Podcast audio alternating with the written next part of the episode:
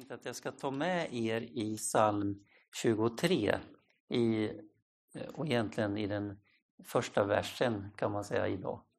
Jag, eh, jag studerar Bibeln på lite olika sätt. Jag, jag brukar läsa Bibeln i, i bulk, alltså i, i mängdläsning. Jag tycker det är ganska så gott att fylla på. Det är ett sätt att läsa för mig. Jag har två, egentligen två huvudsakliga sätt att läsa Bibeln och det är ett utav dem. Och då, då läser jag Bibeln för att få en, en lite större mängd bibel in i mitt liksom, jag höll på att säga ordförråd. Men det här på något sätt skafferiet, om ni förstår bilden. Att man eh, Eh, fyller på i det andliga skafferiet inom sig. Och sen eh, när man då lever livet så finns det där i skafferiet som man kan plocka ur. Och den heliga Ande plockar ur det här andliga skafferiet som vi har. Eh, det är det ena sättet. Och det andra sättet som jag läser då är det inte alls så att jag liksom fyller på med stora mängder bibel. Utan då går jag in på djupet på något sätt och studerar bibelordet eh, som den är. Och tittar på varje ord. Det är lite mera bibelmeditativt på något sätt. Och då menar jag inte meditation när man håller på och liksom eh, känner på ord, någon slags eh, eh, som en slags mantra-grej utan, utan mer som en slags eh, återkopplingar till det som jag har i skafferiet av bibeltext tidigare och sen också av de upplevelser som jag själv har av Herren. Och då, då är det som att det uppstår bibelstudier. Så jag läser, då, då brukar jag sitta i min säng Eh, jag har en sån där säng som man kan hissa upp huvudändan på så jag ligger i sängen och har Bibeln uppslagen framför mig. Och då skapar jag bibelstudien för mig själv. Och det tänker jag att det är lite av det som jag kommer att göra idag. Jag har ju självklart förberett och läst det här men eh, som ni ser så jag har inga anteckningar med mig. Utan jag har bibeltexten och jag har ett stort skafferi av resten av bibeln. Och jag har, tänker jag, den helige Ande som då hjälper till att få ordet och koppla ihop det, länka ihop med texter som vi har. Och eh, som jag har och som då kan leda till, eh, till Eh, ett tilltal. Eh, anledningen till att jag gör det här det är att jag vill att de här bibelstudiekvällarna ska vara en hjälp för oss att inspirera oss till bibelläsning och göra oss nyfikna på mer, mer text. Alltså mer Bibeln och mer vad Gud vill tala till oss idag. Så att det kan hjälpa dig kanske att, att få ett lite annat sätt att läsa Bibeln. Eh, kanske lite inspiration. Så eh, jag tänker att vi läser psalm 23 helt från början till slut och jag läser folkbibelns översättning så att ifall ni undrar. En psalm av David. Herren är min herde, mig skall intet fattas. Han låter mig vila på gröna ängar. Han för mig till vatten där jag finner ro. Han vederkvicker min själ. Han leder mig på rätta vägar för sitt namns skull. Om jag än vandrar i dödsskuggans dal fruktar jag intet ont, ty du är med mig. Din käpp och stav betröstar mig. Du dukar för mig ett bord i mina ovänners åsyn. Du smörjer mitt huvud med olja och låter min bägare flöda över. Idel godhet och nåd ska följa mig i alla mina livsdagar och jag ska bo i Herrens hus evinnerligen. Amen. Den här salmen är ju en kanske den mest kända av alla salmerna i Bibeln. Jag vet inte om ni, precis som jag, lärde mig den utan till när jag var barn. Många av oss kan ju den utan till. Eh, jag lärde mig den på finska. Herra on minun paime. Gud är min herde. Eller Herren är min herde. På finska. Och jag kanske fortfarande kan den på finska till och med. Men jag kan den på svenska. Och eh, jag tänker att den här salmen är en psalm som andas en oerhörd trygghet. En, en känsla av eh, tillit till Herren, till Herren Gud. Och i, idag när vi lever i, i vår värld, jag tänker på hur det är med Ukraina och det som sker där, så tänker jag att den här salmen passar ganska bra att ta till. Det här är en psalm som ofta återkommer också vid dödsbädden. Man läser den eh, tillsammans när man vakar över den som antingen håller på att åka till Herren eller är precis har dött. Och för de som står bredvid och, och sådär så är det en, en, en psalm av oerhörd tröst. Herren är min herde.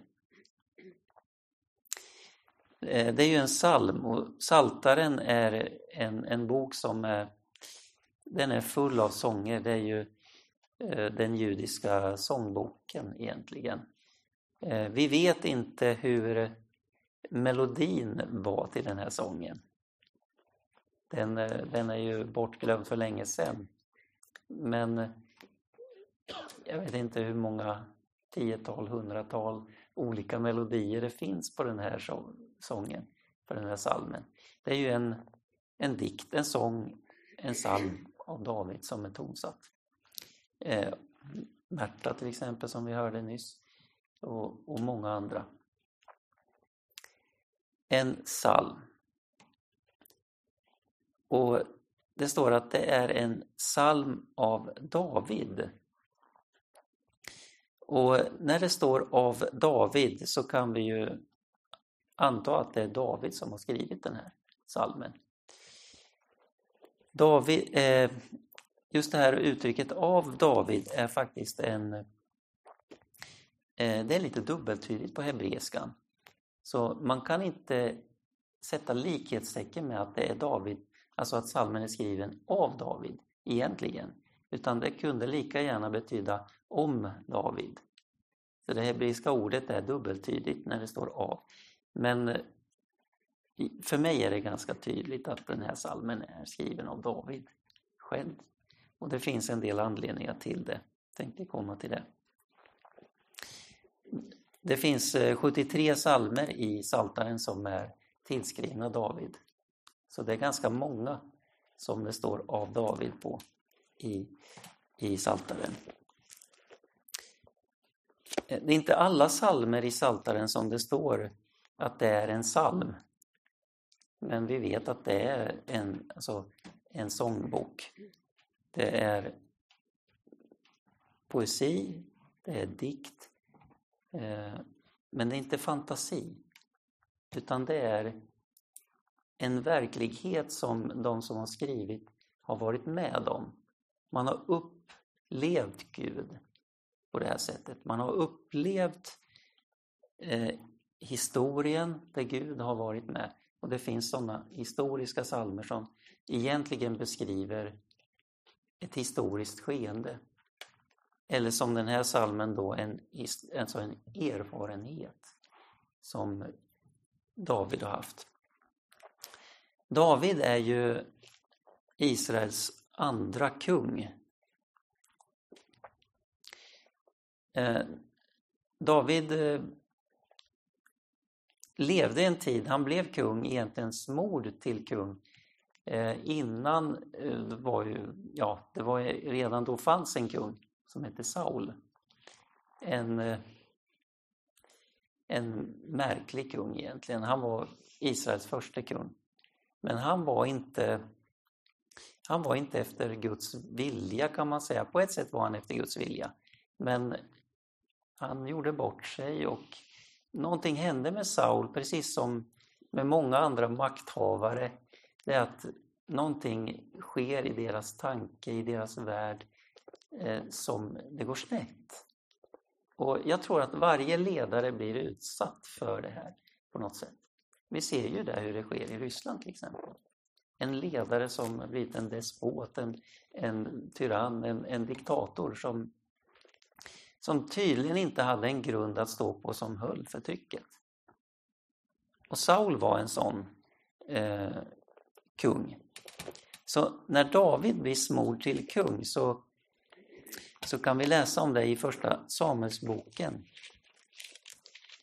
i, eh, i kapitel 16 så är det ju så att det är Samuel som har eh, smort Saul en gång i tiden till kung, men han har eh, blivit mer eller mindre galen vid det här tillfället, han, alltså vid det här laget. Han beter sig väldigt konstigt, han får raseriutbrott och, och eh, Gud vill helt enkelt ersätta honom med en ny kung. Och Gud har valt ut en ung man som heter David. Det vet inte Samuel om, eh, han som då ska smörja eh, den nya kungen. Så Samuel får eh, i uppdrag av Gud att smörja den nya kungen. Och I kapitel 16 i första Samuelsboken så står det så här att Herren sa till Samuel Hur länge tänker du sörja över Saul? Jag har ju förkastat honom så att han inte kan vara kung över Israel. Fyll ditt horn med olja och ge dig av. Jag ska sända dig till Betlemiten Israel. Till en av hans söner har jag utsett åt mig till kung. Samuel ger sig iväg dit och kommer till Isai. Och Isai låter alla sina söner gå fram och, och Samuel ska smörja en av dem till kung. Och då är det så att ni vet kanske historien, om ni har läst Bibeln så är det ju den äldsta först och inte han blir utvald. Nej, det var inte Herren, Herrens utvalde. Utan när alla söner har gått fram, nästan alla, så frågar han, har du inga fler söner kvar? Och det finns en till. Eh, han är, han är ute och vaktar fåren. Vers 11. Han frågar honom, är detta alla pojkar du har? Han svarade, det fattas en, den yngste. Och han vaktar fåren. Då sa Samuel till Isai, sänd bud och hämta hit honom, för vi sätter oss inte till bords förrän han kommer hit. Isai sände då bud och hämtade David. Han var rödkindad, hade vackra ögon och såg bra ut. Stå upp och smörj honom, sa Herren, ty han är det. Då tog Samuel sitt oljehorn och smorde honom mitt ibland hans bröder. Och Herrens ande kom över David från den dagen och framöver. Sedan steg Samuel upp och gick till Rama. Här har vi David som smörjs till kung. Han är ju inte, alltså han är, han är inte gammal vid det här laget, tänker jag. Han var yngste sonen och det står att han var vacker och rödkindad och eh, jag får uppfattningen att han var en ganska ung pojk. En ung man. Det finns en nyckel här och det är han vaktar fåren i anknytning till psalm 23. Tänk att David har haft en sån erfarenhet av det här med att vakta får och att gå som herde. När man tänker på psalm 23 då, när han säger att Herren är min herde. Så David, eh, han vet vad det är att vara herde. Han vet vad det är att ta hand om får, att, att vakta dem. Eh, om vi hänger kvar lite grann vid David så är det så att Saul, han, han får ju, eh, säger texten här i, i Första Samuelsboken, 14. Men Herrens ande vek från Saul och en ond ande från Herren plågade honom. Eh, jag ska inte ta det här med en ond ande från Herren, det är ett helt annat bibelstudium. Men han, han upplever galenskap, vredesutbrott som, som drabbar honom. Och då säger de till Saul att säg till dina tjänare som står inför dig att de söker upp en man som är skicklig att spela harpa. När den onda anden från Gud kommer över dig ska han spela så att det blir bättre med dig. Och då ser de efter en, en man som ska vara eh, duktig på att spela harpa och eh, ta honom till eh, Saul. Och i vers 18 står det, en av tjänarna svarade Betlehemiten Isai har en son som jag har funnit vara skicklig att spela, en djärv och duktig stridsman och en begåvad talare. Dessutom ser han bra ut och Herren är med honom. Några viktiga aspekter om David just. Det står att han var duktig att spela, så han är ju en musiker. Han var också en duktig talare. Och när man läser Salta salmerna så ser man ju att eh, han har förmåga att författa, han har förmågan att kunna hålla tal. Att, att i, i ord uttrycka sig. Men inte bara det, utan Herren är med honom. Jag tycker det är en viktig poäng i det här. De här sakerna. Han, han var bra på att tala, han var bra på att sjunga och spela. Men Herren var också med honom. Och det står ju här att Herrens ande kom över honom när han blev smord av eh, Samuel.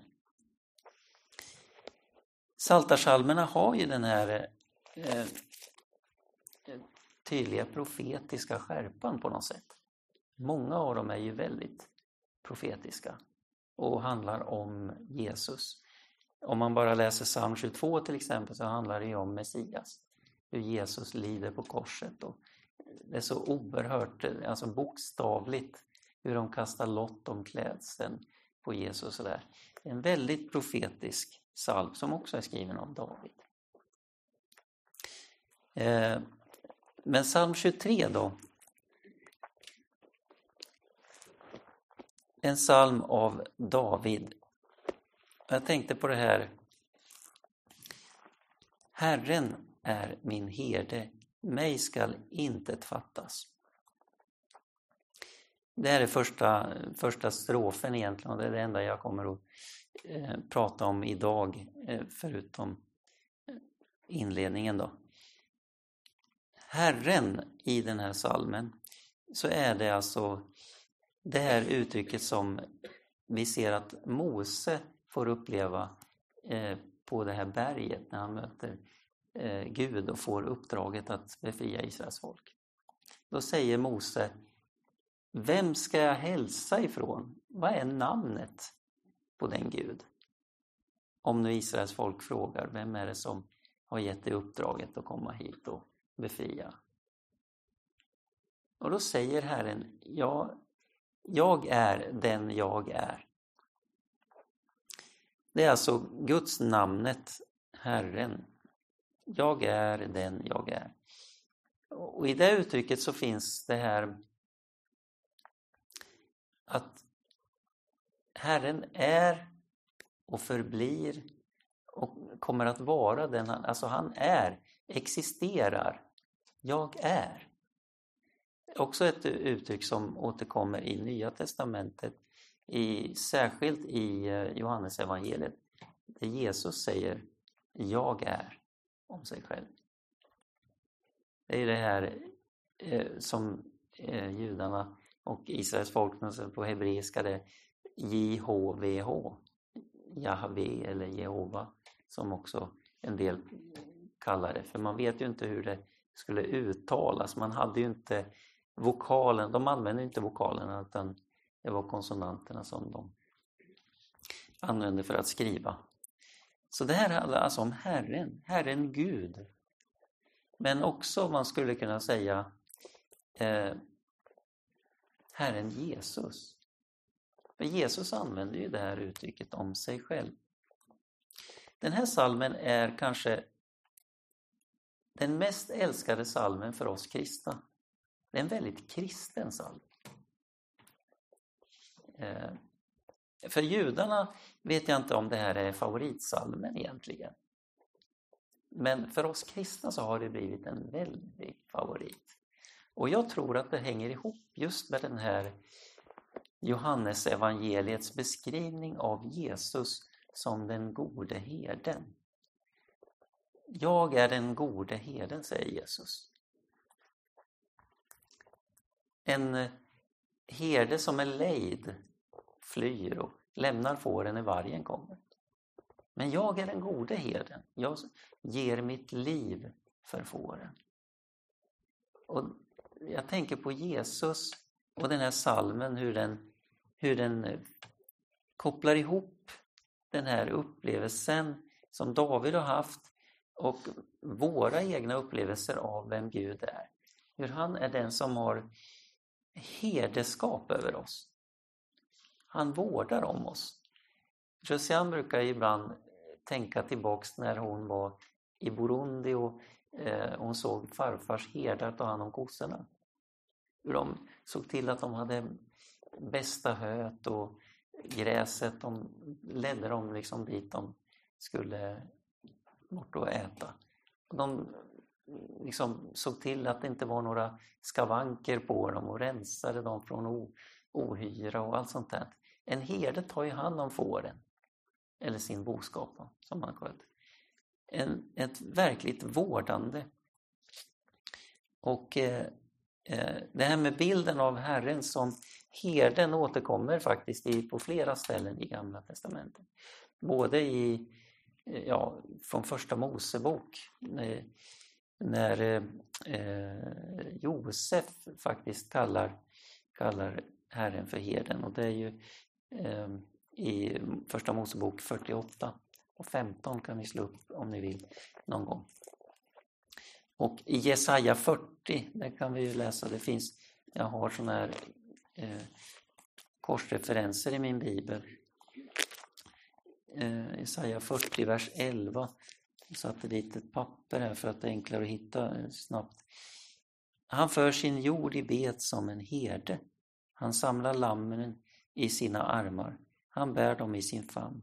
Sakta för han moderfåren fram. En sån bild på Herren, Herren Gud.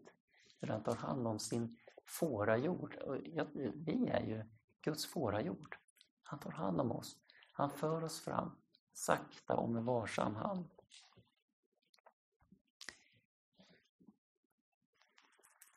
Det står också att mig skall intet fattas.